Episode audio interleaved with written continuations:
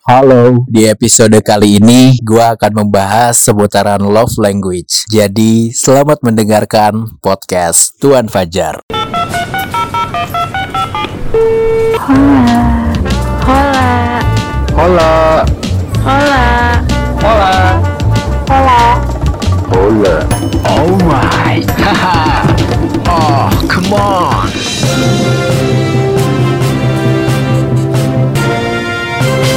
Ya, selamat datang di podcast Tuan Fajar. Seperti biasa hari Sabtu ada episode baru dan gue mau ngucapin hari Sabtu ini selamat malam mingguan. Buat kamu yang mungkin punya pasangan yang sekarang mungkin lagi barengan gitu kan, tapi nggak mungkin lagi dengerin ini juga sih kalau misalkan lagi barengan sama pacar ya. Tapi bisa jadi aja sih, pede dulu aja ya kan. Apalagi kalau misalkan kamu lagi mau pergi ke suatu tempat barengan sama pacar ya kamu naik mobil gitu kan, bisa juga ya dengerin podcast. Tapi nggak tahu juga sih ya. Tapi buat kamu yang mungkin masih jomblo gitu ya, memaksakan untuk keluar rumah biar ceritanya bisa tetap malam mingguan walaupun mungkin sama teman-temannya kamu ya diucapin selamat aja juga selamat malam mingguan atau buat kamu juga yang jomblo yang lagi di rumah selamat malam mingguan juga ya. Walaupun mungkin agak sedikit iri gitu kan ngelihat orang-orang di luaran sana pada malam mingguan barengan sama pacarnya. Entah itu ngelihat langsung di jalan atau enggak ngelihat dari story stories temen yang update barengan sama pacarnya. Lagi misalkan nonton atau ya lagi dinner bareng. Yang sabar ya jomblo ya tenang ditemenin sama Fajar ya kok di episode kali ini. Karena eh, kalau gue juga merasa setiap nggak setiap malam minggu doang sih. Karena kan rata-rata orang tuh udah ke stereotype kalau malam minggu itu waktunya buat pacaran ya kan. Buat ketemu pacar dan segala macam ya. Padahal kan sebenarnya bisa tiap hari ya. Maksudnya nggak harus hari Sabtu aja. Dan gue juga sering banget tuh ngeliat teman-teman gua update setiap hari ada yang barengan sama pacar ya kayak makan atau enggak harus harus ketemu gitu ya setiap hari atau seminggu berapa kali. Dan apa ya kayak ngerasa itu tuh kayak bentuk cinta dari seseorang gak sih? Maksudnya ada yang harus ketemu gitu pacarannya ada yang harus teleponan terus tiap malam ya kan sebelum tidur atau enggak harus selalu ngabarin harus selalu ngechat. Itu balik lagi sih kayak kalau gue bilang di episode soal zodiak kemarin mungkin ada sedikit ngaruhnya ya. Sifat dan cara pembawaan seseorang untuk apa ya mengekspresikan perasaan cintanya terhadap pasangannya gitu. Tapi ternyata kalau setelah gue baca-baca gitu ya Cila riset ceritanya nih. Setelah gue baca-baca ada satu konsep namanya adalah love language atau bahasa Indonesianya adalah bahasa cinta. Itu tuh kayak cocok buat apa ya? mengekspresikan perasaan kita terhadap orang lain dan perasaan nyaman kita soal cinta ketika orang lain memberikan hal tersebut gitu. Nah, kalau misalkan sebenarnya udah nggak terlalu asing kali ya buat kamu ngedenger soal yang namanya love language. Benar nggak sih nyebutnya gitu?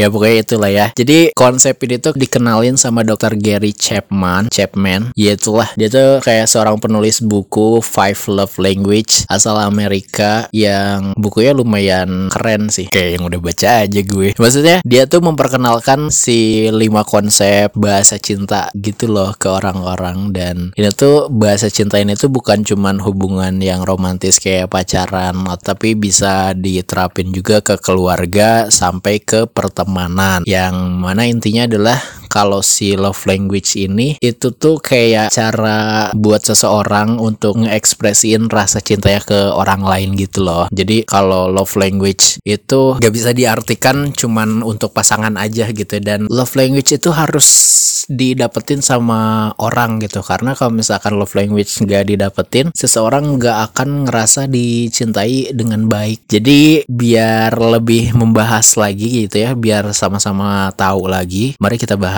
love language. Bridging yang sangat kepanjangan sekali ini. Jadi love language ini ada lima sebetulnya ya. Dan mungkin tiap orangnya itu bisa punya love language yang lebih dari satu ya kan. Walaupun sebenarnya pasti di antara misalkan ada dua ada yang paling dominan. Dan mungkin kamu juga merasakan atau ya masih belum tahu mari kita bahas. Jadi yang pertama itu ada yang namanya words of affirmation. Di mana itu tuh adalah bahasa cinta yang yang diekspresikan dengan mengeluarkan kalimat-kalimat positif kayak pujian, apresiasi atau bahkan mungkin kalimat yang ngekspresiin rasa sayang. Terus juga jadi kayak si kalimat-kalimat ini tuh ya. Jadi kayak sebuah dasar keyakinan kalau pasangan kita tuh bener-bener mencintai kita gitu. Kalau misalkan kamu adalah love language-nya word of affirmation berarti pasangan kamu tuh harus muji-muji kamu terus ngapresiasi walaupun sebenarnya kedengeran klise tapi ini kayak jadi sebuah apa ya? Sebuah keyakinan buat kamu yang punya love language-nya adalah word of affirmation affirmation karena walaupun mungkin cuman pujian pujiannya juga nggak boleh yang lebay gitu loh. Harus benar-benar kelihatan tulus dan jujur gitu. Misalnya nih kayak eh terima kasih ya buat hari ini. Terima kasih buat selalu ada untuk aku. Atau enggak uh, aku sayang banget sama kamu. Gitu-gitu tuh kayak buat orang-orang yang punya love language word of affirmation ini kayak ngerasa oh ternyata pasangan gue tuh bener-bener sayang sama gue ya. Soalnya dia selalu muji-muji gue selalu bilang sayang sama gue selalu ngucapin hal-hal yang sederhana tapi buat gue ngerasa disayang banget gitu. Ya kurang lebih kayak gitu sih. Si tipe orang yang punya love language-nya adalah word of affirmation. Karena seseorang yang punya love language seperti ini tuh ngerasa diapresiasi atau ngerasa dicintai dengan kata-kata yang positif terus juga yang terkesan ya menunjukkan rasa sayangnya dengan ucapan lah ya. Simpelnya sih kayak gitu. Oke lanjut yang kedua adalah quality time. Jadi buat kamu nih yang punya love language-nya quality time itu bisa dibilang seneng banget nih nikmatin waktu barengan sama orang yang tercinta. Jadi bahasa cinta yang satu ini tuh fokus pada kualitas waktu yang dihabisin barengan sama pasangannya. Kayak mungkin ngabisin waktu tanpa gadget terus pergi bareng-bareng misalkan. Jadi dengan kayak gitu rasa cintanya itu dapat terpenuhi karena ngabisin waktunya tuh bareng-bareng sama orang yang dicinta gitu. Komunikasinya juga jadi hal yang paling penting sih kalau misalkan buat tipe orang yang punya love language-nya quality time. Itu karena saat barengan sama pacar gitu atau pasangan, kamu bisa berbagi hal yang kamu sama pasangan kamu alamin hari ini mungkin kan atau enggak berbagi cerita, bercanda bareng, terus ngomongin hal-hal yang serius, harapannya ke depannya gimana kayak gitu-gitu tuh jadi salah satu hal yang bisa ngebuat yakin kalau pasangan kita tuh bener-bener rasanya tuh cinta dan sayang sama kita gitu buat tipe orang yang punya love language-nya quality time ya dan quality time ini adalah salah satu love language-nya gua juga sih. Ada yang sama juga?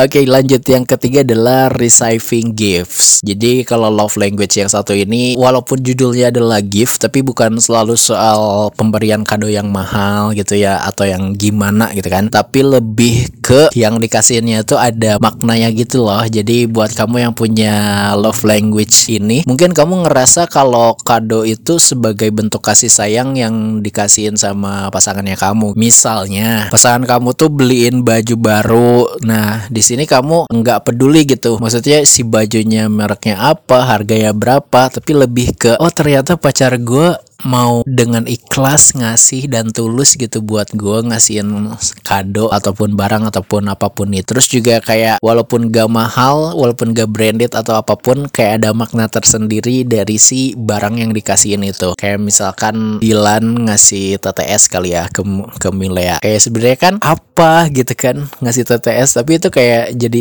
ada satu makna tersendiri yang buat orang-orang yang punya love language-nya receiving gifts ini jadi kayak salah satu bukti nyata kalau pasangan kita itu benar-benar sayang dan cinta sama kita. Seperti itu ya. Yeah. Lanjut yang keempat adalah acts of service. Di mana love language yang satu ini kata-kata kayak I love you terus aku sayang kamu gitu-gitu tuh jadi kayak nggak terlalu ada artinya gitu loh. Tapi lebih ke arah ya udah lu lakuin aja lah. Butuh butuh pembuktian itu dengan action gitu. Gak cuman dari omongan doang. Nah kalau kayak gini berarti berarti tipe orang yang suka banget ditunjukkan rasa kasih sayangnya dengan memperlakukan pasangannya kamu itu jadi yang terpenting. Misalkan mulai dari hal yang kecil sampai hal yang besar atau atau enggak tindakan-tindakan sederhana yang bermakna kayak misalkan kamu seneng banget nih pasangan kamu tuh nganterin kamu pergi atau ngejemput kamu pulang. Itu tindakan-tindakan kayak gitu tuh kayak jadi salah satu dasar keyakinan buat orang-orang yang punya love language-nya acts of service ini. Jadi kayak sebuah keyakinan kalau pasangan kita tuh bener-bener sayang sama kita. Tapi yang harus digarisbawahi adalah bakalan lebih berasa banget ketika apa yang dilakuin itu tanpa disuruh terlebih dahulu. Ya kayak ngalir natural aja gitu nggak dibuat-buat misalkan kalau disuruh eh jemput aku dong terus kita yang ngejemput gitu itu kan kayak biasa aja beda halnya ketika si pasangan kita belum bilang kita eh pengen dijemput tapi kita udah ada duluan gitu dan udah ada inisiatif buat ngejemput itu jadi kayak salah satu wow! Untuk tipe orang yang punya love language acts of service. Terus yang terakhir adalah physical touch di mana love language yang satu ini bukan berarti kamu sama pasangannya kamu melakukan hal-hal yang berbau negatif ya. Kadang orang-orang yang punya love language seperti ini tuh banyak disalahartikan sama orang lain gitu. Mentang-mentang judulnya touch larinya atau pikirannya tuh ke hal-hal yang berbau negatif. Sebenarnya nggak gitu juga sih. Tapi lebih ke bentuk afeksi dari pasangan kamu ke diri kamu gitu. Kayak misalkan deket-deketan sama kamu gitu atau enggak pegangan tangan atau enggak sampai meluk secara tulus. Yang kayak gitu tuh kayak jadi ngerasa dicintai banget buat tipe orang-orang yang punya love language-nya physical touch. Oh, ya mungkin hal-hal yang simple kayak gitu sih itu juga bisa physical touch gitu. Jatuhnya nggak selalu hal-hal yang berbau negatif. Nah itu kan tadi gue udah sebutin lima tuh ada love language-nya tuh eh, yang pertama adalah words of affirmation terus quality time terus receiving gifts terus ada acts of service ada physical touch. Nah kalau kamu tipe yang mana nih guys? Maksudnya pernah nggak sih udah merasakan sendiri tapi belum tahu kira-kira gua tuh masuknya ke love language yang mana? Coba deh iseng-iseng aja searching di internet. Banyak kok website-website yang ngasih tes kepribadian gitu buat menunjukkan hasil love language lo tuh kayak apa sih? Terus masuknya lebih ke yang mana? Kalau misalkan gua waktu itu sempat iseng-iseng dan gua mendapatkan hasil kalau love language gue itu adalah physical touch dan juga quality time. Jadi cocok ya. Maksudnya ada berkesinambungannya gitu kan. Nggak tahu sih kalau yang kayak gini tuh bisa berubah-ubah nggak sih? Mungkin kayak setiap tahun atau setiap ganti pasangan atau enggak mengenal pasangan yang baru itu bakalan berubah atau emang udah jadi sebuah sifat dari diri kita sendiri? Gue juga nggak tahu sih kalau kayak gitu. Tapi kadang kan kita suka bingung juga ya.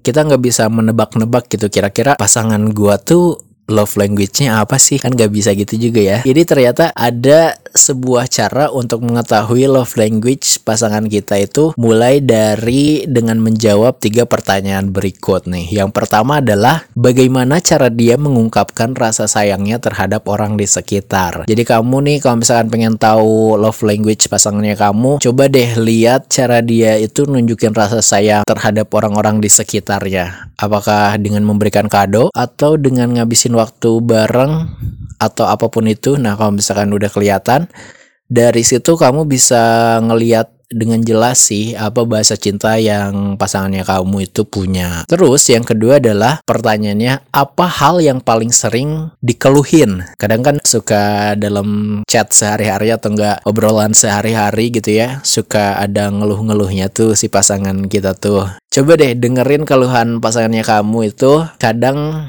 mungkin kerasanya nyebelin gitu ya atau nggak kesal tapi dari situ tuh kamu bisa ngeliat apa yang ingin si pasangannya kamu itu rasain. Misalnya nih pas pasangan kamu itu lagi ngeluh karena nggak bisa ngabisin waktu sama kita misalkan itu berarti kan ada tandanya menjurus ke quality time gitu kayak gitu-gitu sih. Terus yang terakhir adalah yang ketiga pertanyaannya adalah apa hal yang paling sering ia minta? Ketika tadi udah ngeluh pasti ada sesuatu yang dituntut dong ya. Nah coba diperhatiin lagi deh. Kadang kan ketika minta tuh gak cuman menunjukkan gitu ya tapi menggambarkan apa yang pengen ia dapetin juga. Misalnya nih kalau sering minta dipuji atas penampilan atau atau kerja kerasnya, berarti kan itu masuknya ke word of affirmation. Coba deh dari hal-hal simple sebetulnya ya, dilihat dulu cara dia ngungkapin rasa sayang buat orang-orang sekitar gitu ya, entah itu temennya atau keluarganya atau siapa pun. Terus dilihat juga dia sering ngeluhinnya apa, terus